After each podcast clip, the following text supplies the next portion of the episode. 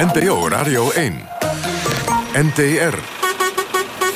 Als kerken hun klokken mogen luiden, hoezo mag de moskee hier in Amsterdam dan geen gebedsoproep doen uit de luidsprekers? En over gelijkheid gesproken. In Londen gebeurt er iets opmerkelijks. Een groep vrouwen probeert via de rechter hetzelfde loon af te dwingen als hun mannelijke collega's. Moet iedereen in Nederland eigenlijk inzage krijgen in de salarissen van de eigen collega's? In Noorwegen is het in ieder geval al openbaar. Live vanuit onze hoofdstad Amsterdam is dit het debatprogramma van de NTR.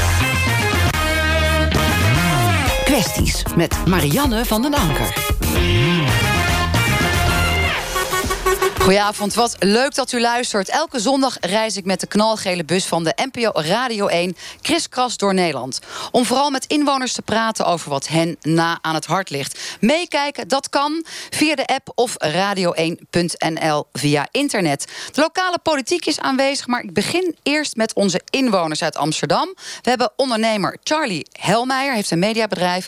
publicist en columnist Jessin Chandan...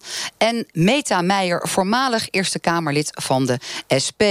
Zeg, de raadsleden hier in Amsterdam hebben allemaal nieuwe ideeën geopperd... waarvan wij er een aantal gaan bespreken vanavond. In ieder geval eentje als het gaat over begrafenissen en crematies.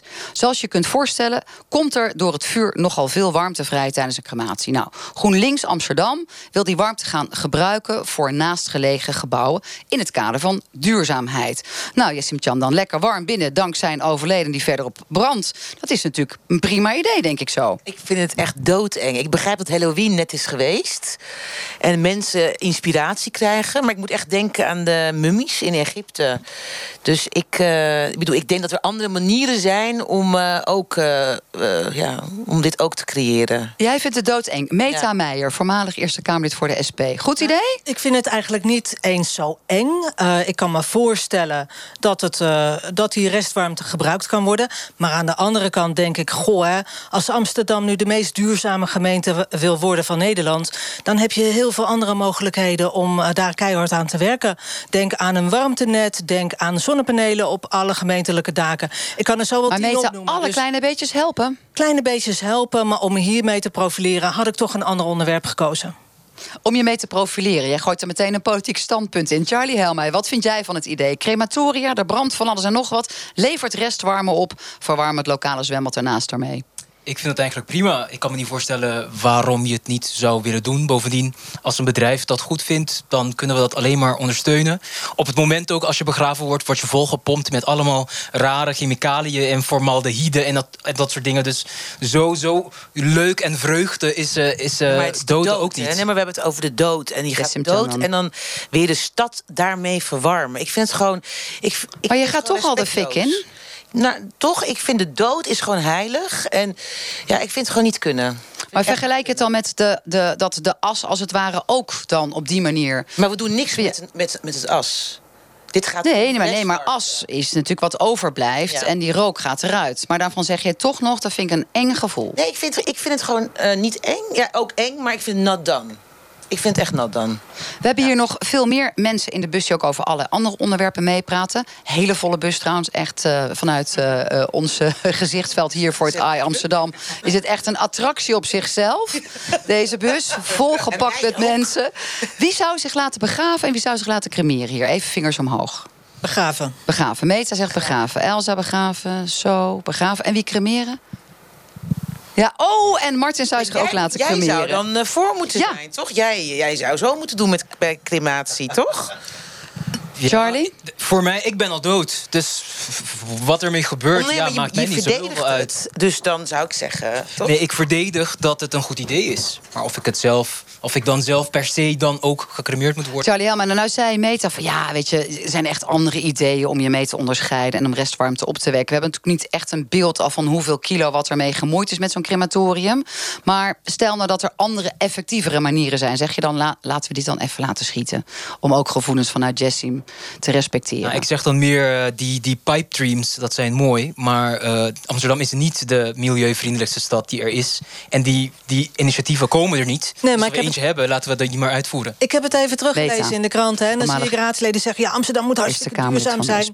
Uh, D66 zei dat en GroenLinks zei dat. En dan denk ik, ja, het staat allemaal wel mooi. En ik ben echt niet tegen lijkverbranding. En als je die warmte, als je daar wat goeds mee kan doen, prima. Maar als ik me zou willen profileren als groen raadslid... dan koos ik voor zonnepanelen, stadsnet in uh, stadswarmte en dergelijke. Dan ging ik dat helemaal niet op deze manier zo aanpakken. Oké, nou in het kader van duurzaamheid... en in het kader van uh, multiculturaliteit... hebben we ook advocaat Elze van der Loo in onze bus. Jij bent actief voor NIDA. We hebben het natuurlijk over begraven en cremeren. Weet jij iets hoe dat ligt binnen de moslims? Uh, ja, binnen de moslimgemeenschap zal het overwegend uh, uh, mensen begraven worden. maar als je kijkt naar van, ja, kies je ervoor? Hè? Wil je gecremeerd worden? En wat vinden de mensen eigenlijk die gecremeerd worden zelf ervan? Ik denk dat je daarna zou moeten kijken. Een soort donorcodiciel voor of je wel of niet wil dat jouw lichaam mee mag doen aan de restwarmte. Nee, ik, ik, ik, vraag me eigenlijk af, wat moet ik me daarbij voorstellen? Hè? Wat is het proces? Heeft dat ook van invloed op hoe we mensen cremeren? of gaat dat eigenlijk hetzelfde? En is het alleen puur de warmte die we opvangen? Dus, Vooralsnog, Els, ga ik ervan uit dat het gewoon in de techniek zo is... dat de warmte die vrijkomt gewoon via een pijpje naar een, een ander gebouw gaat... om daar weer energie op te wekken en te ja. leveren. Ja, ik denk dat respect voor, uh, voor de mens en voor de dood heel erg belangrijk is. En als daar je niks afdoet in dat proces... dan kan ik me voorstellen dat er niet heel veel op tegen zou zijn. Ja, maar weet je, Toch zegt Jessim ja, Chan dan... Amsterdam is een enorme creatieve stad. Hè? Heel veel creatievelingen wonen hier. En is dit nou de enige die we hebben bedacht... om de om de restwarmte te gebruiken. Nee, we hebben nog een andere. Wat zijn alternatieven? En ik, ik vind gewoon, dan, dan moet je dus mensen vragen... wil je het wel of wil je niet? Sommige mensen willen het wel, soms niet. Dan krijg je weer formulieren. Ik vind het gewoon heel ingewikkeld. We hebben nog een ander idee. En dat komt van uh, So Roestaya, raadzit van Bijeen. Ook hier in de gemeente Amsterdam. Ja, jij had op basis van dat idee van die restwarmte nog wel een ander idee. Namelijk, laten wij gewoon puntje puntje gaan doen. Vertel. Ja, het was niet mijn idee, het was van mijn collega. Die, uh, ja, maar je hoort bij een politieke ja, partij, ja, klopt, je spreekt met één adem in één woord. Klopt, klopt. Verdedigen maar die eh, handel. Uh, nee, nee, dat klopt. En hij heeft het vooral hij heeft het over compost. Uh, namelijk, ja, dat, ik snap dat het heel eng is. Je moet er zelf om lachen. Even serieus? Hartstikke idee, wat is het idee? En het, het punt is, ik denk dat er daar naar verschillende mogelijkheden moeten gekeken worden. Het gaat nu namelijk over begraven, het gaat over crematie. Er zijn mensen, en ik heb begrepen dat er in VS en Canada mogelijkheden zijn... dat mensen zichzelf kunnen composteren. Dus eigenlijk vanuit duurzaamheidsaspect dat gebruikt kan worden. En ik dacht... En wat is dat composteren dan? Hoe gaat dat in zijn werk? Ik ken het hele technische verhaal niet, maar er zijn verschillende mogelijkheden. En wat er eigenlijk vanuit ons is geopperd... van als er dan toch een onderzoek wordt gedaan naar uh, warmtecentrales... en verschillende mogelijkheden voor verduurzaming, dat dit stukje mee Composteren meenemen. Is dat dan iets, Jessim Chan, dan wat jou meer aanspreekt? Nee, ik moet dan echt denk aan mummies. Het wordt steeds erger. Lijkt wel echt een horrorbus dit. Waar ben ik? Het wordt eens een horrorbus. Nee, nee, echt. Charlie Helma, je had net al over chemicaliën die in mensen zitten. Ja, ik weet ook niet technisch hoe het zit met dat composteren. Maar als je een goede dosis chemotherapie achter de rug hebt... dan weet ik ook niet of het nou zo gezond is wat er straks wordt gecomposteerd. Wat ik wel weet is, uh, we hebben het over mummies. Als je nu begraven wordt, dan word je helemaal volgepompt met dingen... waardoor je tientallen jaren nog in perfecte staat in een koffer, in een licht, waardoor er niks gebeurt met jou. Dus je bent letterlijk misschien 100 jaar lang een mummie. Het composteren, het idee is, ik ken het vanuit Engeland, wordt het al gedaan. Dan word je op een plek begraven, er wordt niks in je gepompt. Uh, wormen eten je op en je bent tien jaar later weg. Ja, dus als je geen mummie wil worden, zou ik zeggen... begraven is sowieso anders. In hoeverre draagt dat bij tot iets van duurzaamheid? Want het gaat wellicht wat jullie betreft, de partij betreft, bij één ook misschien meer om hoe gaan we om met, met de dood en met onze lijken? Ik denk dat, dat het echt aan de persoon zelf afhangt. Ik bedoel, als wij het alleen maar zouden zeggen van hé, hey, we gaan iedereen composteren, dan zou ik daarop tegen zijn. Maar op het moment dat je zegt, hé, er zijn verschillende mogelijkheden. We hebben een begraafplaats, we hebben een precies, compostplaats. Precies, en we hebben crematie.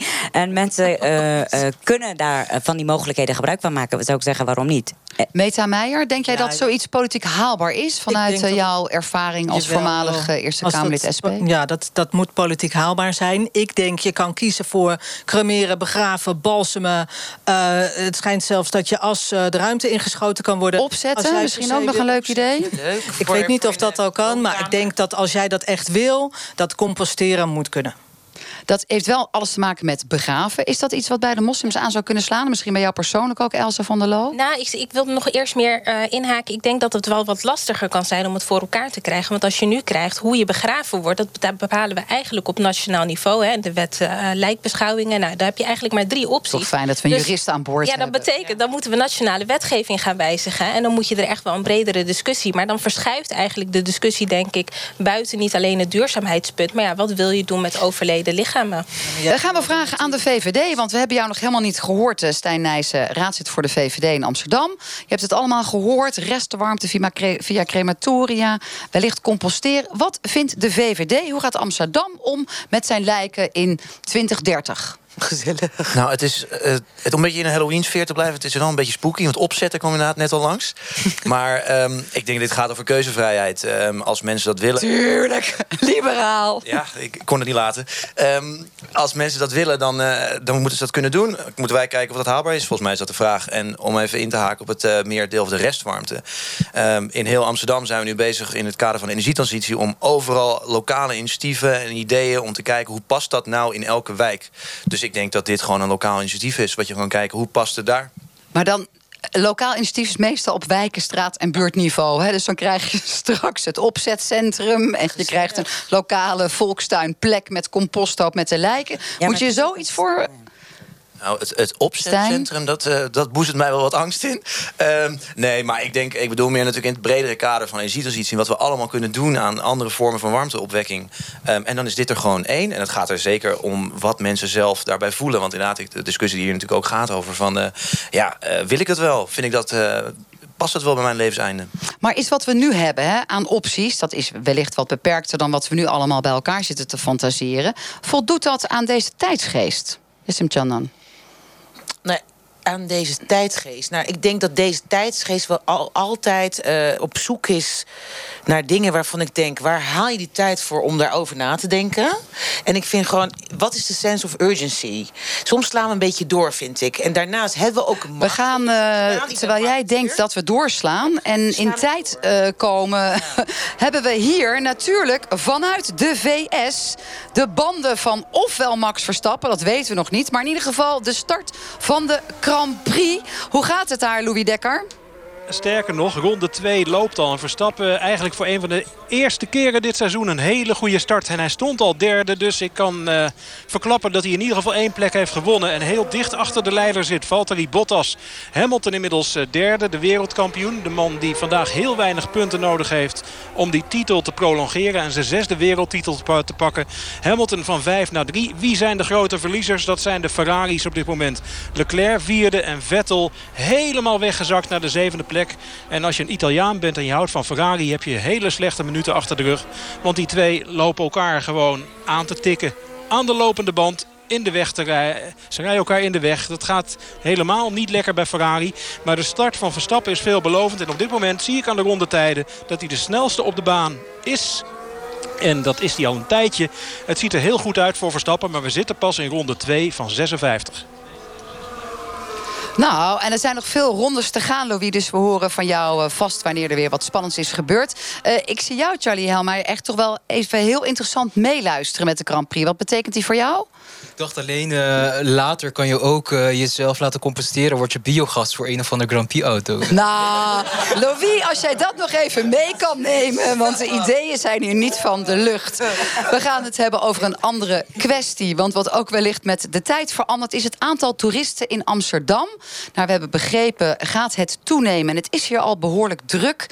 Nou, dat betekent ook dat inwoners steeds meer kritiek hebben... op hoe leefbaar is Amsterdam nog eigenlijk. We moeten als de sodemieter het toerisme gaan indammen, wordt er geroepen. Een terecht punt of zeuren de Amsterdammers vooral? Frank Diesen, we hebben jou nog niet gehoord. Jij komt uit Amstelveen. Zit hier in onze bus die voor het AI geparkeerd is. Goeie avond. Ja, maar je bent ook gids in Amsterdam. Ja, ik kom hier heel vaak langs. Ja. Kom je ook aan deze kant? Aan deze kant kom ik ook wel, maar ik ben heel vaak met een rondvaart. En dan kom ik hier langs en dan ga ik nog een rondje door de stad. Dan wijs ik deze gebouwen altijd aan. Dus is het is leuk om dan hier te zijn. echt een, een officieel uh, beroep voor 40 uur per week of is het een hobby? Uh, nee, het is wel een officieel beroep. Het is ook echt mijn inkomen. En dat is voor uh, heel veel mensen. We hebben ongeveer, denk ik, zo'n, nou, misschien wel 200 gidsen hier in Amsterdam. Misschien nog wel veel meer. Is dat ook big business? Het is, eh, het is een. Nou, het is niet de Maar met baan waarmee het allerrijkste eh, wordt. Maar het is, het is wel openheid over baan. salarissen. Ja? Eh, Wat verdien je zo'n beetje? Nou, ik denk dat je, dat je eh, ongeveer zo'n 200 euro per dag eh, verdient. Eh, maar dat, dat is dan nog een heel eh, bruto eh, ZZP-bedrag. Ja, ja, ja. En je Dus krijgt moet dan natuurlijk altijd van die lui wat toegestopt, toch? Dat We geldt ook van die eh, ja, zwart. Ja, iets, iets. En dat, dat geeft een Oh, beetje daar op natuurlijk. hè. ervoor. Ja, Stijn zit ernaast. hè. Let op. En nog iemand anders vanuit de gemeenteraad. Ja, ja, Voor je het ja, weet ja. heb je een onderzoek aan je broek Ja, hangen als heel, gids. dankjewel, dankjewel. Ja, je hebt een stuk geschreven in het Parool. Wat is Ja. de essentie daarvan? De essentie daarvan is dat ik eh, een, een stukje las over een bloemist... die dus inderdaad op het punt stond te verdwijnen. En dat er bij de kop stond... de toeristen kopen geen bloemen. En dat ik dus eh, geheel geïnteresseerd dat stukje ging lezen. Ik denk, oké, eh, wat is er aan de hand? En dat ik toen las dat dus inderdaad eh, de bloemist eh, een hele hoge leeftijd had bereikt. dat de buurt aan het veranderen was. dat hij het fysiek niet meer aankon. En aan het allerlaatste regeltje stond inderdaad nog iets over, over toeristen. En dat ik dus echt dacht van... er wordt hier een toon gezet die mij niet aanstaat. En Eh, eh, dat betekent dat jij ik dus zegt, boos werd. met name dan is jouw eh, reactie ook op het parool gericht. Van Nou ja, alles wordt een beetje geproblematiseerd rondom Ja, die toeristen. nou, maar wat- wat is er dan leuk aan voor die Amsterdammers? Wat er nou echt leuk voor is, is dat ze een heleboel mensen ontmoeten. Dat er dus een heleboel eh, ja, mensen van allerlei plomage, plomage door de stad lopen. Maar ook het feit, en dat realiseren de Amsterdammers zich niet... maar wat ik dus wel heb Je wordt lekker opgeschreven... zelf een Amstelveen. Ja, Nou ja, dat- Oh, dat was- dat Jess was- in wat, ze zat al klaar om dit te maken, deze Nou, opmerking. maar dan hebben, we een, dan hebben we een heel ander punt. Eh, kunnen wij hier nog wel wonen? Hè, mensen met doorsnee inkomens. En ik ben dus gewoon een van die mensen met een doorsnee inkomen... die dus niet in die stad kan wonen. maar dat is inderdaad een andere en dat is discussie. een heel andere discussie. Maar dat, dat, dat, ik las Maar jouw punt kritiek. is, Ja. toerisme wordt veel te veel gebruikt als zondebok. En Ja. met name politiek en inwoners lopen te overdrijven. Is dat zo? Ik kijk rond naar de inwoners, Jessim Chandan. Nou, ik ben het hier dus niet mee eens. Want ik heb er zelf eh, zeker last van. Als ik in de, spui, in de spui ga fietsen... dan liggen er overal kotsplekken... en overal ehm, dronken gasten. Nee, nee, ik ben nog niet klaar. Ja, ik ben nog niet klaar. ja, maar ik wil er meteen u woont in Amstelveen. Ik woon in Amsterdam met kinderen. Ik heb er zeker overlast van. En eh, nu bij mij in de buurt is ook I Amsterdam eh, letters neergelegd. Het is gewoon voor met de kindjes gewoon niet veilig meer om te fietsen. Het Ja, wordt maar- steeds drukker. Dus jij vindt dat, jij, dat er niet wordt overdreven? Nee, nee, het is echt een issue, Ik vind het issue, ja zeker. Charlie. zeker absoluut. Ben je aan het overdrijven als inwoner als je roept dat het hier te druk wordt? Of, ehm, Ik denk dat het wel druk is. Maar goed, Amsterdam is een stad en eh, inkomst, inkomsten willen we wel hebben. Eh, moeders met kinderen op het fietspad zijn ook best wel hinderlijk. Maar ja, die rijd ik niet van de weg af. Ehm, we moeten het allemaal met elkaar doen. Ehm, we hebben een afvalbedrijf die failliet gaat. Eh, we hebben inkomsten nodig. Hoe gaat het betaald worden? Eh, doe maar een hogere toeristenbelasting. Laten we die rustig, toeristen gebruiken. Die maken ook heel veel afval. Dus eh, ik, ik vind het zelf... Nou, als ze doodgaan, heb je nog Ja. extra restwarmte ook. Als ze zich hier willen laten begraven. Meta, wat Ja, vind jij? kijk, ik, ik Voormalig Eerste Kamerlid SP. Amsterdam gaan wonen natuurlijk. Ik woon hier nu een jaar of 35 en ik hou van de drukte in de stad. Maar tegelijkertijd denk ik ook wel dat het te veel wordt. In mijn eigen buurt, de Javastraat, Amsterdam-Oost... zie ik het hele winkelbestand veranderen. Dus gewoon daar je dagelijkse boodschappen doen... wordt al een beetje lastig. Maar wat voor winkels komen daarvoor terug? Zijn dat dan die beroemde Nutella-shops? Nee, geen Nutella-shops, maar heel veel horeca. Veel meer horeca dan onze gewone buurtgenoten eigenlijk allemaal gebruiken. Maar zelf heb ik geen last van toeristen. Mijn schoonvader daarentegen woont midden in de Jordaan. Och, dat is natuurlijk in alle boekjes te grond. vinden, ja. Ja, t- twee kamertjes aan de straatkant. En die wordt regelmatig om vier uur s'nachts... even lekker op zijn raam geklopt, dat hij stijf rechtop zit. Maar zijn dat toeristen? Vraag Dat zijn- van dat- zijn dan inderdaad Dat zijn die kotsende, toeristen. dronken Engelsen. Ja, ja, ja, maar dat, zijn wel soort toeristen. wil ik ook niet hebben. Precies, en volgens mij moeten we daar Ja. dan wat aan doen. nog even Ja. over de ontmoeting Chandan. van toeristen. Ik heb nog nooit met een toerist gesproken. Waar Nou, komt dat, dat- vandaan? hoe kan het? Heb En ik ben hartstikke sociaal. Ik weet ben je, echt ouwe weet je dat ze dat ontzettend, weet je dat ze dat ontzettend leuk vinden om met iemand hier te praten? Ja, jezus, Dat maar dan is is, dan een soort open, Ja. open Nee, riool nee. hier van toeristen? Zal Moet ik je ook even- nog mee praten? Zal ik Frank even wat anders? Ik kom ook in Franeker. In een- om iets heel anders te noemen. En de mensen worden daar, die toeristen worden aangesproken. U bent Amerikaan, u komt uit Amerika. Oh, ik heb een schoonzus daar wonen. En dan dat, is, dat vinden die mensen zo ontzettend leuk. En dat is hier in Amsterdam niet. In Amsterdam wordt ze alleen maar vuil aangekeken. Maar jij zegt ja. dat met een soort ondertoon... alsof je dat de Amsterdammers verwijt. Ik verwijt het soms wel een beetje de Amsterdammer. En ik, het is eigenlijk een sfeertje wat hier al heel lang hangt. The next fucking tourist. En terwijl je dus op een ander plaatsje gewoon eh, ja, veel leuker heel wordt even. behandeld. U, u, Yes, ja. en Chandan. dat u makkelijk praten heeft, want het is uw broodwinning. Het is mijn En broodwinning. daarin maar ik bent vind u het... niet heel erg objectief. Vind ik. En u Tuurlijk woont ook nog in. Amstelveen. U heeft Ja. dus- iedereen heeft een stichting Eigenbelang. Ja. Mijn stichting Eigenbelang is dat ik gewoon geen last van eh, braaksel overgeven. Ja, maar de braaksel, dat zijn onze toeristen niet. Dat Oh, zijn mensen die los uit. Engeland Nee, nee, komen. Nee, nee, nee. Meta. Die komen zuipen. U bent Meta Meijer, Ja. Frank zou best wel eens een punt kunnen hebben natuurlijk. Hè? Ja. Want we zien dat vliegtuigen... Nou ja, je kan geloof ik voor 10, 20 euro... kan je Hey, vanuit Noord-Londen deze kant op komen. Ja. Eh, dat zijn misschien de mensen die wij hier minder graag zouden zien. Precies. De toeristen die eventjes een, een dag door Amsterdam gejaagd worden... en bij de Nutella-shop wat komen, een eh, jointje roken... en eh, eh, hun kotsplakaten als het ware in je portiek achterlaten... daar zitten we niet op te wachten. Maar al niet. met al, zeg ik wel, het is wel druk. En misschien Vindt jouw vader, jouw schoonvader van 75 in de Jordaan... die hier waarschijnlijk eeuwig heeft gewoond... vindt hij dat het moet veranderen? Eigenlijk wel, ja. Hij heeft volgens mij niks tegen een groep eh, onder leiding van een gids... die eh, leuk door de Jordaan eh, eh, kachelt en hier en daar gevels bekijkt. Maar hij heeft wel wat tegen mensen die s'avonds joelend, schreeuwend... door zijn straat gaan, op de ramen bonken en hem wakker Nee maar, maken. nee, maar kijk, Amsterdam is een soort voor een hele groep Engelsen. En die wil ik ook niet hebben. Een soort Gerso geworden. Een soort. Ja, ja. eh, een nou, soort- dat betekent toch, soort, Frank, dat ja. er iets moet gebeuren. En we hebben twee politici hier Ja. in de bus... die het dan moeten gaan reguleren. Er is natuurlijk al van alles en nog wat hier in Amsterdam op bedacht. En we weten dat Amsterdam ermee bezig is. Maar er is een nieuw idee gekomen. En dat komt van bijeen van So Rostaya. Namelijk Airbnb afschaffen. Om in ieder geval de boel maar even in te dammen... omdat het niet meer handhaafbaar is.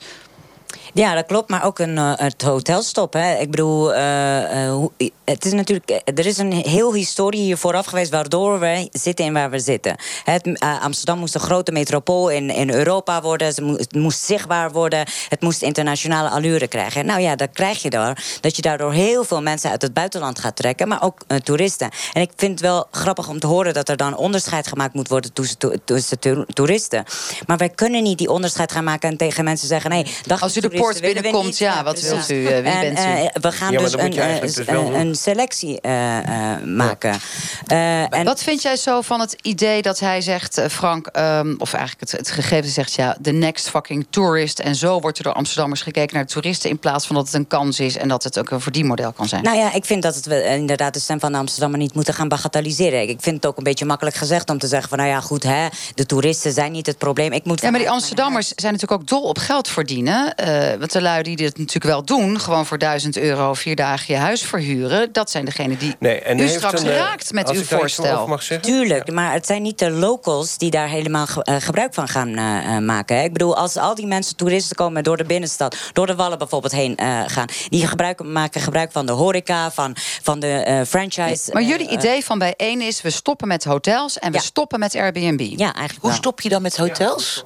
Niet meer bouwen, geen vergunningen meer gaan die, geven. die zijn er, Er, er al? is al Ik zie Stijn van de VVD echt met uh, argusogen kijken naar dit voorstel. Klopt dat, Stijn Nijssen, VVD-raadslid Amsterdam? Ehm, nou, er is in ieder geval een hotelstop, dus dat zijn we aan het doen. Ehm, ik, ik denk niet dat Airbnb aan zich is niet het probleem. Ehm, ik snap dat mensen het nu het gevoel is van het is nu too much. Hè. Ik word eh, praktisch platgereden door rolkoffertjes. Kijk, en dat gevoel dat is denk ik wel terecht. Maar Airbnb. Maar dan even terug naar Frank. Hè. Die zegt vanuit Amstelveen en vanuit Stichting Eigen Belang... ik ben gids. Joh, Amsterdammers moeten stoppen met de next fucking tourist gedachte.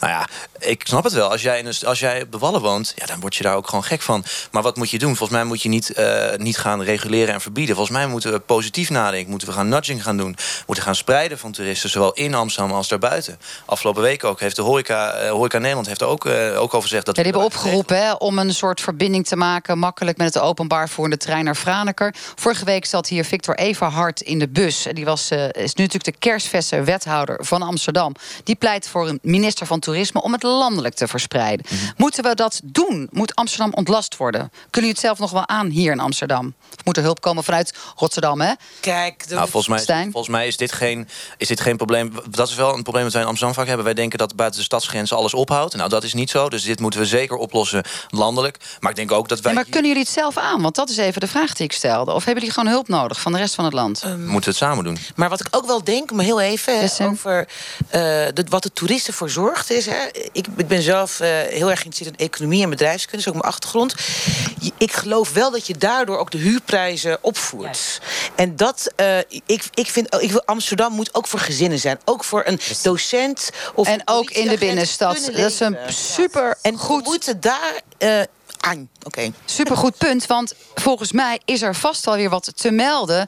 op basis van het aantal extra rondjes dat is gereden in de Verenigde Staten. Louis Dekker. We zitten inmiddels eh, in ronde 9. We hebben één uitvaller. En dat is Sebastian Vettel. Waarvan iedereen al dacht, waarom doet die Ferrari het zo slecht? Er is een, eh, een tik uitgedeeld. Er zijn meerdere tikken uitgedeeld in het begin. En op een bepaald moment knalt gewoon die wielophanging. En gaat hij eigenlijk als driewieler door. eh, zonder dat het helemaal verkeerd voor hem afloopt. Hij kan de auto gewoon parkeren. Maar een van de favorieten, toch echt vertrokken vanaf rij 1... is er dus af. Voor Verstappen geen enkele consequentie. Die zit keurig te loeren vanaf plek 2. Hoe snel Valtteri Bottas is, de leider in de race. En Hamilton, de wereldkampioen... die vandaag voor eh, prolongatie van zijn titel rijdt...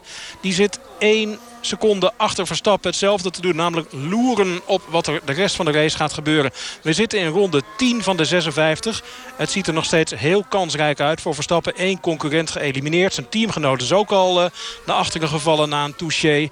Het draait deze race om Bottas, Verstappen, Hamilton en Leclerc. En wel in die volgorde. Er moeten op dit moment hele rare dingen gebeuren. Pech of zo, een mankement. Wil Verstappen het podium verliezen.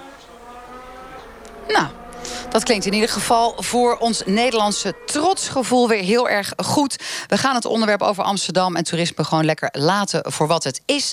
Want we gaan naar het buitenland. In het Verenigd Koninkrijk wordt een opmerkelijke kwestie nu voor de rechter gebracht. Meer dan 100 vrouwen willen dat de BBC overgaat tot gelijkheid van betalen. En dan in ieder geval evenveel als hun mannelijke collega's. Presentatrice Samira Ahmed kwam erachter dat ze zes keer minder verdiende dan haar mannelijke collega. Opgebouwd in de afgelopen jaren. Leidt dat tot een claim van 8000 euro die ze zou hebben misgelopen. Nou. Ja, 800 zei ik? 800? Oh, 8000. 800.000. Ik zit hier heel over al die nullen heen te kijken. Nou, dan is meteen daar de aandacht op gevestigd. Daar willen we het natuurlijk over gaan hebben. Zouden werknemers wat dat betreft ook meer inzage moeten krijgen in de salaris van hun collega's? En waarom starten we met deze vraag?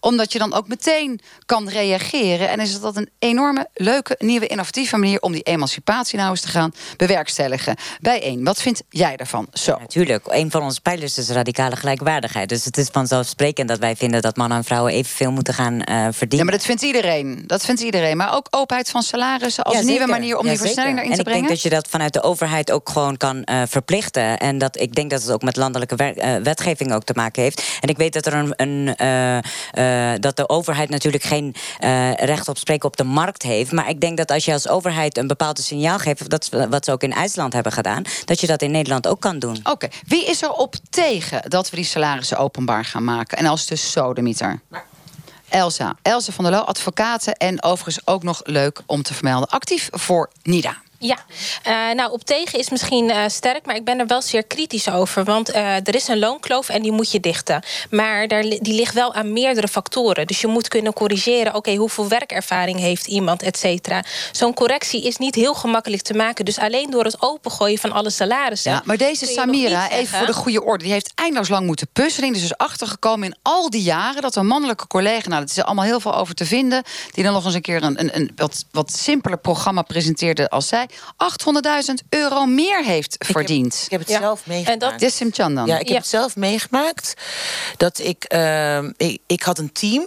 En ik was eh, dus eh, aan het hoofd van het team. En eh, die jongen die kwam werken was net zijn nieuwe baan. En toen vertelde hij zijn salaris. En toen dacht ik, hè?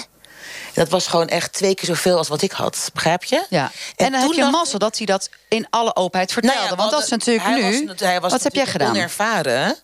En eh, dus hij vertelde dat zo. En toen dacht ik, wacht even, dit is echt niet goed. Want toen? het is mijn project. Ik, eh, eh, dit kan gewoon niet. Jij bent mijn team.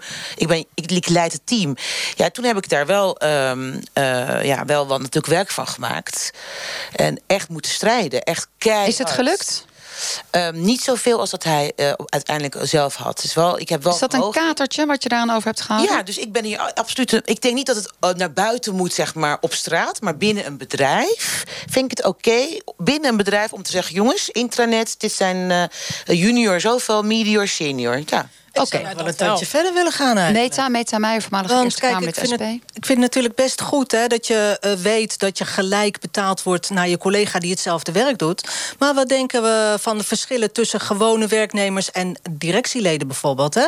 Als je kijkt naar de, de directeur van eh, McDonald's, die verdient geloof ik iets van 150 keer zoveel per uur dan eh, het jongetje of het meisje wat daar achter de frituur staat. Maar dat is zeg maar nog dat is een, verschil tussen hoog en laag. Dat is echt een. SP-ding natuurlijk, Dus dat als wij begrijp ik. Maar openheid van salarissen geven... dan kunnen die jongens en meisjes ook eens een keertje zeggen... van ja joh, voor dit geld kom ik echt niet werken. Kom maar eens zelf een poosje aan de frituur staan. weet dat in een hiërarchische lijn het gaat over de horizontale lijn tussen mannen en vrouwen. In Duitsland is het overigens al zo dat je recht hebt, inzage hebt van alle salarissen Oh. van een ieder. Bij bedrijven met meer dan 100, eh, 500 medewerkers. In Noorwegen is het ook al heel normaal, dus we lopen gewoon achter. Stijn, openheid geven van zaken. VVD Amsterdam. Nee, ik vind dat je dit uiteindelijk ook een kwestie is die je zelf moet bepalen of je daar iets over wil zeggen. Ehm, het voorbeeld dat genoemd werd over IJsland, eh, waar ze dus even voor de goede orde het strafbaar hebben gesteld als man en vrouw voor hetzelfde werk eh, niet zelf worden betaald. Ehm, dat lijkt toch ook iets te veel op symboolpolitiek. Je moet die verantwoordelijkheid bij de werkgever leggen. Ehm, want het risico. Stijn, daar ligt hij al duizend jaar. En jij kan er zo als politicus er niet achter komen of een vrouw minder verdient dan een man. Want iedereen blijft dan lekker gewoon op die salarisgegevens zitten. Klopt. Ehm, maar je kan wel de werkgever stimuleren en je kan ook iets doen rondom. Ja, dat doen we al ja. Ik zeg dat ook als vrouw, hè? Bij eens, zo. Ja, ik vind het ook een beetje een onzin om te zeggen... Hè, de verantwoordelijkheid bij de, ligt bij de eh, werkgever. En het is natuurlijk ook een VVD-standpunt om kapitalisten hiermee te gaan beschermen. Maar het gaat erom dat wij al eeuwenlang... en dat zien we ook in de armoedecijfers... dat vrouwen altijd achterblijven ten opzichte van mannen. En die komt niet uit de lucht vallen. Dat heeft ook te maken met het feit dat vrouwen ook financieel... vaak ook afhankelijk worden gesteld aan mannen. Terwijl als we als vrouwen dezelfde banen hebben als een man... en daarmee dus zichzelf en de kinderen kan onderhouden... dan los je dat soort problemen op. Dat is geen en symbool. Jan, ik ga heel even vragen aan de gids. Want dat is denk ik eh, eh, nou, allemaal ZZP'ers. Zijn jullie er onderling open en eerlijk over wat jullie verdienen? Op zich wel. Op zich, eh, en er zijn ook geen verschillen tussen man en vrouw. Er zijn zelfs meer vrouwen in dit beroep. Dus bij ons zijn er geen verschillen tussen man en Nee, vrouw. maar het maakt het aantal vrouwen maakt niet wij, uit zijn, voor het wij, moeten salaris. allemaal onze eigen prijs samenstellen. Maar dat is nog wel een heel groot, groot hangpunt. Want er zijn ook weer opdrachtgevers die zeggen... ik geef je maar zoveel. En daar is altijd toch wel een onderhandeling tussen, ja. Ja. Charlie, je bent een eh mediabedrijf, ondernemer.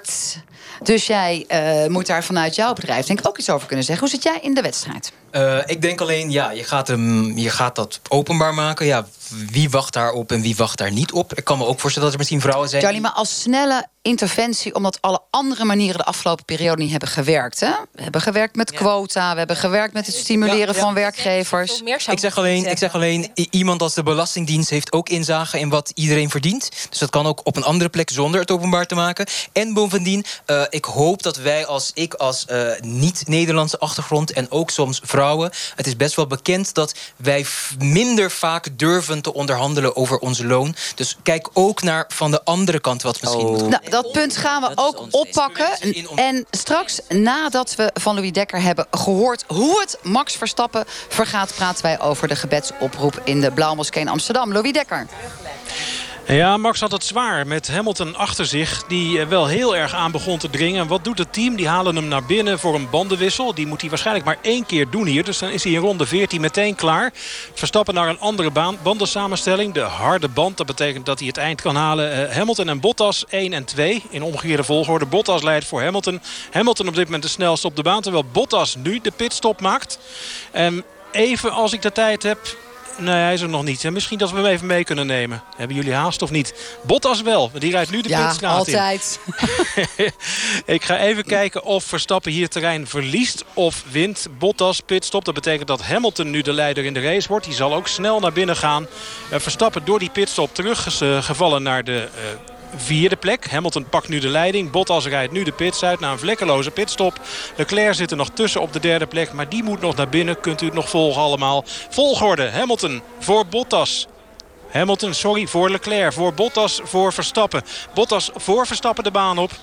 Die twee die naar binnen zijn gegaan blijven gewoon op hun plek. Maar er rijden nu twee aan de leiding die nog naar binnen moeten. Hamilton voor Leclerc. Voor de echte leiders in de race die op, der, op de derde en de vierde plek rijden nu. Bottas en Verstappen. Dankjewel, Louis Dekker. En we hebben natuurlijk altijd haast, maar we vinden het ook superleuk om te horen hoe het onze Max Verstappen gaat. Geldt overigens wel natuurlijk voor het feit dat het Max is en een Nederlander. Ik weet niet als ik zoiets in de bus rondkijk of iedereen dan even dol enthousiast zou zijn over de Formule 1. Maar dat terzijde. Leuk dat u luistert. We staan met de NPO 1 bus in Amsterdam. De kwestie van de week is dat een moskee hier in Amsterdam, de Blauwmoskee, gebedsoproepen wil gaan doen en dan versterkend. Dus bam, hop, vrijdagmiddag, keihard Arabische oproepen dwars door de wijk heen. Eén keer per week is het maar op vrijdag. Nou, het heeft heel veel stof doen opladen. We hebben uh, twee imams gevraagd om mee te doen. Die zijn op dit moment in het buitenland. De moskee betreurt de ophef. En ze vinden het überhaupt ook wel raar dat er ophef is. Het is de moskee van Yassin El Forkani, toch een vooraanstaande imam in Amsterdam. Elsa van der Loo, jij bent een vaste bezoeker van de moskee. Naast het feit dat je advocaat bent en actief voor NIDA. Begrijp jij dat er ophef is? Uh, nou, de ophef is met name volgens mij in de politiek uh, ontstaan. Als je gewoon kijkt naar de buurt zelf, dan denk ik dat we helemaal niet zo van een grote ophef kunnen spreken. Ik heb gekeken van hè, wat komt er nou allemaal over in het nieuws. En dat zijn eigenlijk constant politici die daarover praten. Maar wat vinden de mensen in de wijk er nou daadwerkelijk van? Nou, degene die ik heb gezien die in de wijk geïnterviewd worden, die staan daar best positief tegenover. Dan zul je natuurlijk ook een aantal mensen hebben die daar kritisch over zijn. Maar dat er ontzettende ophef uit de wijk is, dat herken ik eigenlijk niet. Oké, maar wel ophef in de samenleving. Herken je dat wel? Zeker omdat Yassine El Furkani heeft gezegd... het is een kwestie van normaliseren. De islam hoort daarbij. Begrijp je die ophef?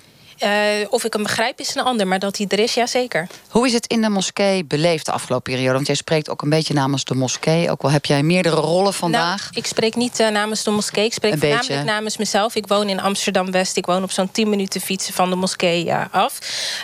Um, ja, ik denk dat, wat je net al zei... dat er misschien ook wel verbaasd is over de ophef. Want dit is niet iets nieuws, hè, een gebedsoproep. Dit wordt al jaren gedaan door verschillende moskeeën... in heel veel steden. Dus ik vind het eigenlijk gek dat zo'n wereldstad. Ja, in Den Haag is het uh, vrij dat we dat nog niet hebben in Amsterdam. Om te doen. Oké, dus dat is de verbazing. Uh, nou, rondje dan maar uh, Jessim. Ik kijk toevallig naar links. Had ook ja. de andere kant op gekund. Ja, Jessim Chandan, publicist en columnist. Ik, uh, wat, ik, uh, wat ik vind is uh, dat ik begrijp de, de ophef. ik ben zelf ook moslim. En, maar ik vind natuurlijk, we hebben vrijheid van godsdienst. Maar ik vind uh, dat, we, dat we het juist zo min mogelijk moeten doen. En, ik vind en wie zijn we? De moslims? We moeten nee, zo min nee, nee, mogelijk? gewoon, we moeten ook rekening met elkaar houden. Want als je naar een tempel gaat, of een synagoge, of een kerk... weet je, uh, en mensen hebben er toch last van. En ik vind, uh, voor mij is het zo dat religie is in mijn hart. En ik vind dat je zo min mogelijk dingen moet opdringen aan anderen. Wil, bedoel, ik vind het wel mooi dat er moskeeën zijn. Zijn synagogen, tempels. Maar ik vind niet dat we echt moeten opdringen. En mensen hebben er toch last van. Ook al maar waar hebben ze dan last van? Van dat opdringen of van dat geluid? Ik wil het heel specifiek geluid, van je horen. Echt geluid. Dat mensen vinden al soms uh, lastig in een wijk. Ik heb twee. Ja, maar ik heb... waar blijkt dat dan uit? Want Elsa van der Loon. naar al die moskeeën die dat al doen. Dan blijkt dat, dat wat jij zegt wordt dan op geen enkele nee, manier onderbouwd. U interviewt waar... waarschijnlijk biculturele mensen. Nee, ik interview. Uh, die zeggen van het is oké. Okay.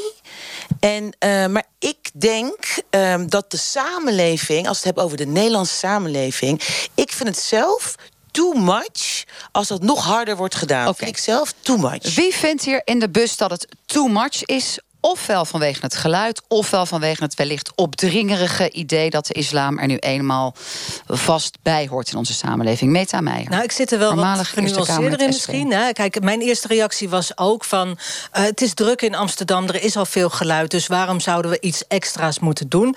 Een versterkte oproep is ook niet per se nodig. Uh, je kan bijvoorbeeld ook heel goed een app gebruiken... om op te roepen tot het gebed.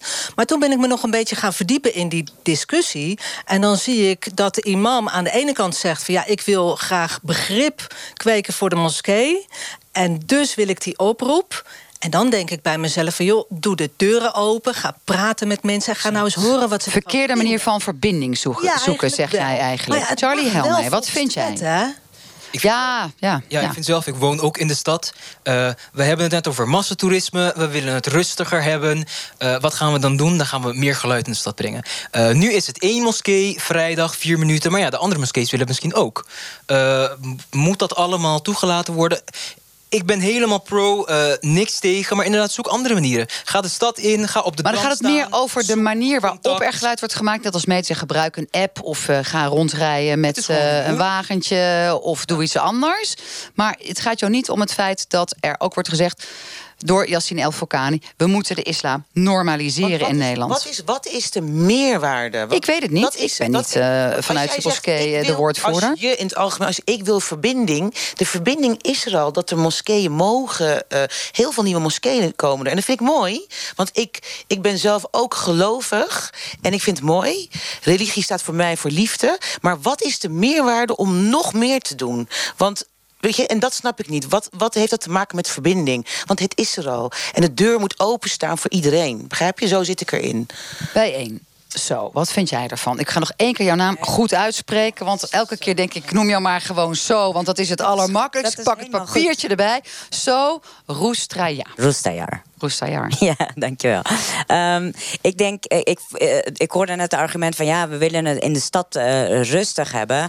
Maar we hebben ook kerkklokken. Hè? Ik bedoel, die, die, die zijn er elke uur. En, ik, en ik, wat ik dan niet begrijp, is de ophef die er inderdaad in de politiek wordt gemaakt. over één keer in de week in de een vier minuten iets te laten horen. ten opzichte van klokken die continu aan het luiden zijn. En ik zeg gelijke monnik, gelijk kappen. Dus ik denk, ja. Stel je zegt voor, gewoon, hè, de- het is een de- geloof, het mag ja, gewoon. Wat één mag, mag de ander ook. Precies. En als de religieuze instelling vindt dat, dat dit erbij hoort, ze kunnen ook een pilot starten. Ze kunnen dat een tijdje proberen en kijken of het. Maar zal ik dan maar die olifant op tafel leggen? Want iedereen praat er rondomheen. We hebben het weer over geluid en geluidsoverlast. Volgens mij gaat het er gewoon om dat er nog te weinig vertrouwen is dat alle moslims bij de samenleving horen. Ja, klopt. Er is en zie je ook op. Facebook dat mensen zeggen: ja, het zijn inmiddels dreurlims eh, en dramlims in plaats van moslims. Ze willen maar gewoon elke keer doordrammen. En nu hoort dit er weer bij.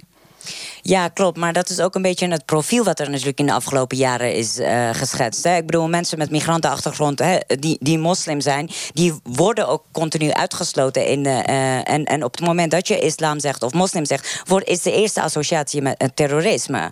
En niet zozeer met liefde, wat jij eh, net zei. Want dat zou ik ook wel willen. Als moslim zou ik ook wel willen. Maar wat vind je dan van het feit dat Yassine El Korfani, vooraanstaand imam, Ja. toch zegt: het moet genormaliseerd worden, terwijl hij heel vaak in programma's in de media te zien is, waarbij hij begrijpt van er is nog wel een wereld te winnen voor de moslims in Nederland. Waarom dan dit met zo'n versterkte moskee-oproep elke vrijdag? ik kan, ik, weet, ik kan niet in zijn hoofd kijken, maar ik ben wel eens met het feit dat, eh, dat islam binnen onze samenleving genormaliseerd moet worden en een andere associatie moet krijgen dan terrorisme of En, barbarisme. en jij steunt hem dus. Islam normaliseren. VVD, Stijn, Nijssen. Nou, als we het hebben over de inclusieve stad en juist het normaliseren, dan vind ik het echt een gemiste kans dat we het doen op de manier zoals nu voorgesteld. Volgens mij moet je eerst, wat, je al zei, Meta, eerst Meta. de deuren openzetten. ehm, eerst met elkaar in gesprek gaan. Eerst met de burgemeester het eens over hebben. En niet al meteen zeggen, joh, volgende week gaan we het doen.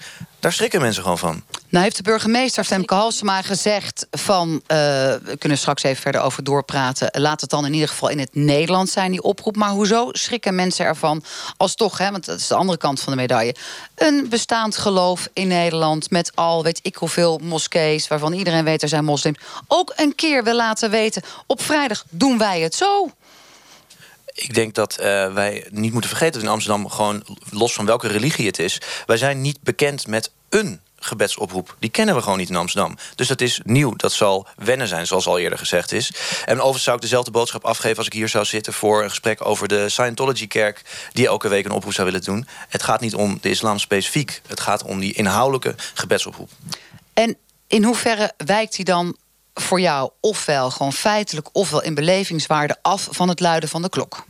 Nou, ik hoef niet, jullie niet uit te leggen hoe een klok klinkt. Nou, doe, doe even, doe even, doe even jouw klok na. Doen we na negenen. Ehm, nee, maar ik denk dat je roept echt inhoudelijk op tot een komst naar een bepaald gebedshuis. Dat is in mijn ogen dan dus niet een inclusieve boodschap. En dat vind ik dus ook echt een gemiste kans. Else van der Loo, dat is natuurlijk wel een terecht punt wat hij maakt. Dat het inhoudelijke oproep is: kom naar die moskee. Terwijl ik zou zeggen, die mensen in de blauwe moskee die er naartoe gaan, die weten toch wel die moskee te vinden. Ja, maar die gebedsoproep kan er worden gedaan. En daar is natuurlijk wel over nagedacht. Reden dat het ook gewoon in de wet is verankerd. Dit is een grondrecht. Kijk, we horen, ik hoor de burgemeester zeggen... ja, dit is niet meer van deze tijd.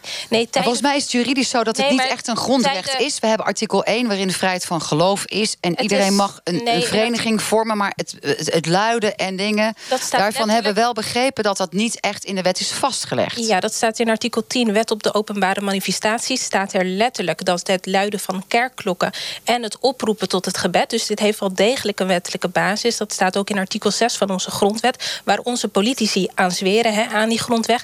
Tijden veranderen, maar fundamentele waarden veranderen niet. En daarom hebben we die fundamentele waarden, die eh, basis van onze rechtsstaat, die leggen we neer in de grondwet.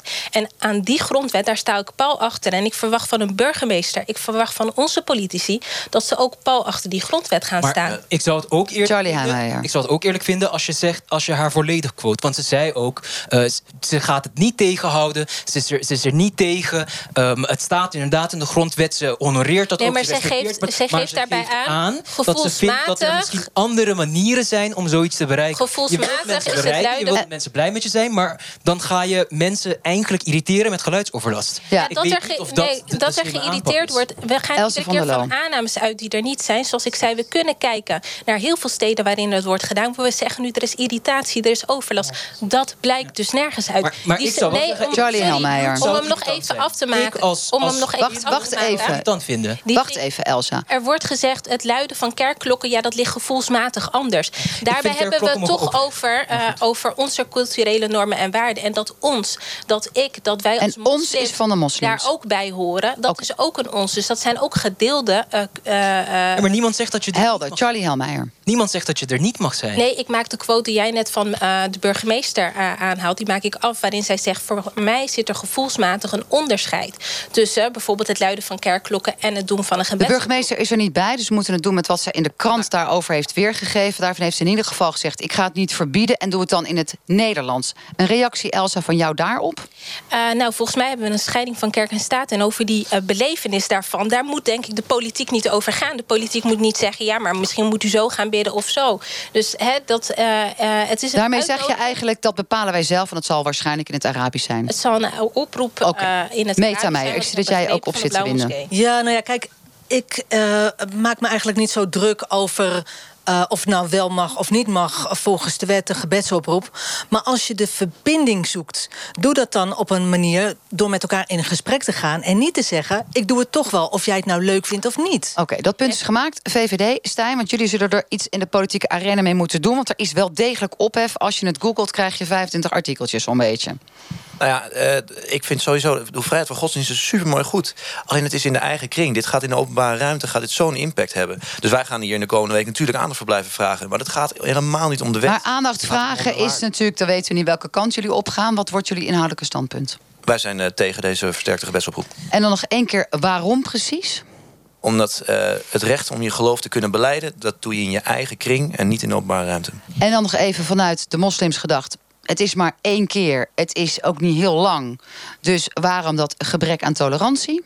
Het, is geen gebrek aan tolerantie. Het, is gewoon, het gaat erom dat je het één keer doet. Het is een principieel iets. En je moet erover in gesprek met elkaar. Eerst in gesprek, dan pas iets doen. Elsa, dan nog één keer naar jou toe. Waarom eh, zou je dit willen doen als je ook merkt dat er best wat irritatie en wat wantrouwen is richting de geloofgemeenschap? Om het dan nu toch door te drukken, ook al is het een recht en kan je het niet verbieden. Nou, dan ga ik denk ik weer in herhaling vallen. Ik denk dat we echt eh, moeten kijken Soms naar helpt wat dat, hè? Ja, je wat- boodschap twee keer vertellen. Ja, of misschien drie keer. Wat vindt de buurt daarvan? Kijk, ik hoor politici, maar ik ben benieuwd. Ben je in de wijk geweest? Maar dat, toch even, want daar dat punt wil je dan natuurlijk Wat maken van... joh, daarvan? Elsa, dat punt van die wijk heb je nou al drie keer genoemd. En Ja. je zegt van nou, maar het- volgens mij moet je ook iets dieper doordenken. Zeker omdat je ook politiek actief bent. Het is natuurlijk wel, als de Blauwe Moskee het in Amsterdam gaat doen... dan gaan andere moskeeën het ook doen. Nou, dat, dat, Dat zou zomaar kunnen. Het is niet buurtgerelateerd, toch? Het is iets kleiners dan Het alleen is- maar een Het buurt. is echt geen nieuw fenomeen. Het is echt niet dat alle moskeeën in Amsterdam nu opeens denken: hé, hey, dat kunnen wij ook doen. Dit is Maar- al eerder ook ook Maar dan eh, kom ik in, weer- in de media geweest. Yes, het is niet dat dit aanleiding... Dat is ook weer een speculatie dat dit dan aanleiding zou moeten zijn... voor andere, andere moskeeën om dat eh, opeens te gaan doen. Hier is al veel eerder over nagedacht. We spreken totaal Maar wat niet over is iets de, nieuws. dan kom ik weer, want Yassim Chandan, voor de luisteraar die later is ingeschakeld, ook moslim over. Maar weet je, je herhaalt inderdaad jezelf over de wijk, over wat is de meerwaarde om het nog harder te doen? Wat is, je weet toch als moslim dat je moslim bent. Er zijn, het is toch hartstikke mooi dat we ook hier, er zijn landen in de wereld waar, waar andere religies niet bestaan, niet mogen bestaan. En er zijn eh, hele mooie moskeeën. Ik bedoel, mijn opa is ook, eh, die is overleden, waar we ook in de moskee in Rotterdam. Hartstikke fijn. Begrijp je, dat, dat, daar ben ik dankbaar voor. En soms moeten we dingen niet overvragen. Want als we dingen gaan overvragen, vind ik... Neemt het draagvlak af. Exact. Waarom moet het? Weet je, het wordt dat toch al gedaan? Oké. Waarom meer, meer? Waarom meer? moet het? Wat? En natuurlijk dan van Elsa, ding? Van Elsa weten en van Zo, vanuit bij Waarom niet? actief in Ik de denk dat als moslims zijn wij onderdeel van deze samenleving. Als moslims Dat hoeven wij ons niet te verstoppen, et cetera. Je kunt daarin eh, naar buiten gaan. Een van de dingen die ik hoorde dat de mensen zeggen is... ja, eh, het, het geeft mij een beetje een angstig gevoel. En dan denk ik, dat is juist. Als mensen daar een verkeerde associatie bij hebben... dan kun je daar dus ook een hele mooie associatie bij krijgen. En dat zou juist een hele mooie aanleiding moeten zijn om dat te doen. Eh, je ziet nu ook dat het heeft geleid tot de dialoog die er is. Hè. Er zijn bewonersbijeenkomsten, mensen komen bij elkaar... hebben het er met elkaar over en gaan het gesprek met elkaar Kortom, wat jou betreft is de meerwaarde dat je op deze manier in het gedachtegoed van Yassine inclusieve zegt: wij gaan verbinding Amsterdam, zoeken met ja. de wijk en met de buurt, waardoor de islam veel meer wordt genormaliseerd. Laatste woord over deze kwestie aan bijeen. Zo Roestrajaar. Ja, ik vind het prachtig dat we verbindingen zo eh, moeten hebben. Maar ik, eh, ik ben het niet eens met de stelling dat we dankbaar moeten zijn. eh, want dat is iets wat mij nu 25 jaar lang is verteld. Je moet dankbaar zijn in Nederland, want in Nederland hebben we het zo geweldig. Maar we hebben het niet geweldig in Nederland. En dat is wat je ook in binnen het activisme ook ziet. Maar zeg je dan er is sprake van islamofobie? Jazeker. Jazeker is het meldt eh, islamofobie heeft er een prachtig rapport over eh, geschreven hoe en op welke dimensies islamofobie speelt en daar eh, speelt politieke debatten spelen daar ook in mee. Stijn, dus als jullie wat eh, liberaler en ruimhartiger zouden zijn, zou de gevoelskwestie van islamofobie ook weg kunnen gaan. Een kans voor open doel. Ik denk dat. Nee, dat klopt. Ehm, ik denk dat eh, de kans juist was om dit niet zo op de spits te drijven. Eh, we zijn hier echt. Dit gaat echt over iets nieuws. En het is echt niet alleen iets voor politici. Dit is iets wat iedereen in de stad voelt. Want het is precies wat jij ook is al zegt. precies wat de VVD altijd doet. VVD is degene, niet alleen VVD... ik weet dat PVV en FVD daar een kampioen in zijn... in islamofobie en racisme uitspuien. En daar doet VVD altijd elke keer aan mee. Dus, en dan continu de frame te hebben dat wij polariseren en segregeren... dat is absoluut niet het geval. Het is vaak dat instituten continu aan de haal gaan... met racisme en is- islamofobie... en vervolgens dan de verantwoordelijkheid bij ons leggen en zeggen... jij moet normaal gaan doen. Laatste woord voor Stijn Nijs, VVD Amsterdam. En daarna gaan we naar de Grand Prix. Ik herken mij daar niet in. Ik eh, zei net al, als dit verhaal zou gaan over een Scientology-kerk... dan had ik exact hetzelfde gezegd. Dat gezegd hebbende, gaan wij kijken hoe dat het in de Verenigde Staten gaat met Max Louis Dekker. Vertel ons de laatste update. Prima race van Verstappen. Hij heeft één eh, probleem. Er is een vliegende Fin actief en die heet Valtteri Bottas. Die heeft net eh, zijn teamgenoot ingehaald. Terwijl hij al een pitstop had gemaakt. Het hele gat overbrugd. Bottas voorbij Hamilton. Hamilton nu net zijn eerste pitstop gemaakt. Valt achter Verstappen. Dik achter Verstappen zelfs. Maar het probleem voor Verstappen is dat Bottas vliegt. En Verstappen is wel snel, maar het gat is wel 5,5 seconden. Dat is veel met nog 30 ronden te gaan. Hamilton net naar binnen geweest. Op verse banden nu naar buiten. Die zit eh, 10 seconden achter Verstappen. Eigenlijk is het podium maar de volgorde daarvan nog niet. Maar het podium is wel duidelijk hoor. Twee Mercedes'en, één Red Bull. Bottas favoriet voor de zegen op dit moment. En Ferrari, Ferrari is helemaal nergens vandaag. Leclerc vierde op grote achterstand. Nou ook nog een mislukte pitstop. En Vettel die viel al heel snel uit met een gebroken wielophanging. wielophanging. Dus Bottas leidt eh, probleemloos op dit moment voor Verstappen. Die wel loert. Maar loeren doe je eigenlijk niet hè, op 6 seconden achterstand. Hamilton derde, dat zijn de drie waar het om gaat. En Hamilton is op koers om zijn titel nog een jaartje te verlengen. Dankjewel, Louis Dekker. Tot zover kwesties vanuit Amsterdam. Dank aan al onze gasten, maar vooral aan Storm van Keulen. Hij heeft bij ons afgelopen periode gewerkt. Super veel dank, succes met je carrière. Radiodoc zo direct over de Bloemendaalse wethouder... die het serre niet kan verbieden, maar wel... Ja, Tot ziens.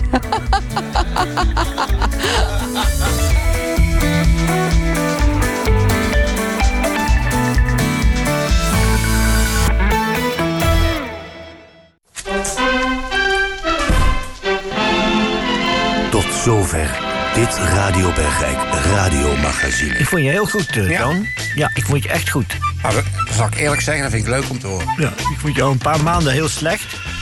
Dat, dat ik dacht, Toon, Toon, wat ben je mee bezig? Maar vandaag hoorde ik toch weer een beetje de oude toon terug. Radio Bergijk. En voor al onze luisteraars dit advies.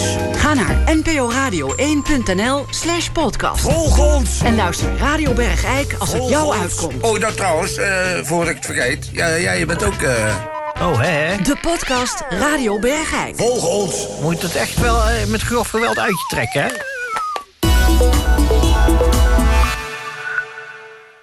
Zit ik in de file heerlijk te genieten van Mozart op NPO Radio 4? Hoor ik in het sterreclameblok een commercial van Janssen Communicatie? Janssen?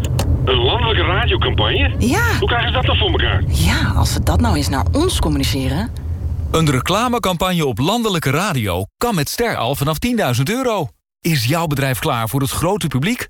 Ga naar ster.nl en bereik meer. Voor alle aanpakkers die ons land mooier maken en vooruit helpen. Met een uitbouw, nieuwe tuin of compleet glasvezelnetwerk. Bedankt voor al het mooie werk. Daarom biedt Ford al meer dan 50 jaar bedrijfswagens waar jullie verder mee komen. Ford Bedrijfswagens. Backbone of business. Wat zou jij doen met drie uur helemaal niets? Even dutten? Je mails checken? Een boek lezen? Het kan allemaal, terwijl wij je naar je vergadering in Parijs brengen. Reistijd wordt jouw tijd. Met NS International. Nu voor alle aanpakkers tot wel 6.500 euro voorraadvoordeel op Ford Bedrijfswagens. Met 0% rente op de financiering. Kijk op Ford.nl. Boek nu je zakelijke treinreis met korting op nsinternational.nl. Vanavond in de Monitor. Steeds meer mensen kiezen ervoor om in een hospice hun laatste adem uit te blazen. Hoe goed is die zorg eigenlijk geregeld? Er is vergeten om medicijnen te geven aan die vader. Ja. En hoe belangrijk waren die medicijnen? Heel belangrijk. Vrijwilligers zijn ter ondersteuning van de verpleging en niet ter vervanging. De Monitor om tien over half elf bij Caro NCRV op NPO 2. Poëtisch lijnenspel aan... Oogstrelende schoonheid. Die... Tja, bij Opel zeggen we liever waar het echt om gaat. De nieuwe Opel Astra. Met fraai design, nieuwe technologieën en minimale CO2-uitstoot. De no-nonsense leaseauto voor Nederland. En je rijdt hem al vanaf 163 euro netto bijtelling per maand. Kijk op opel.nl. NPO Radio 1.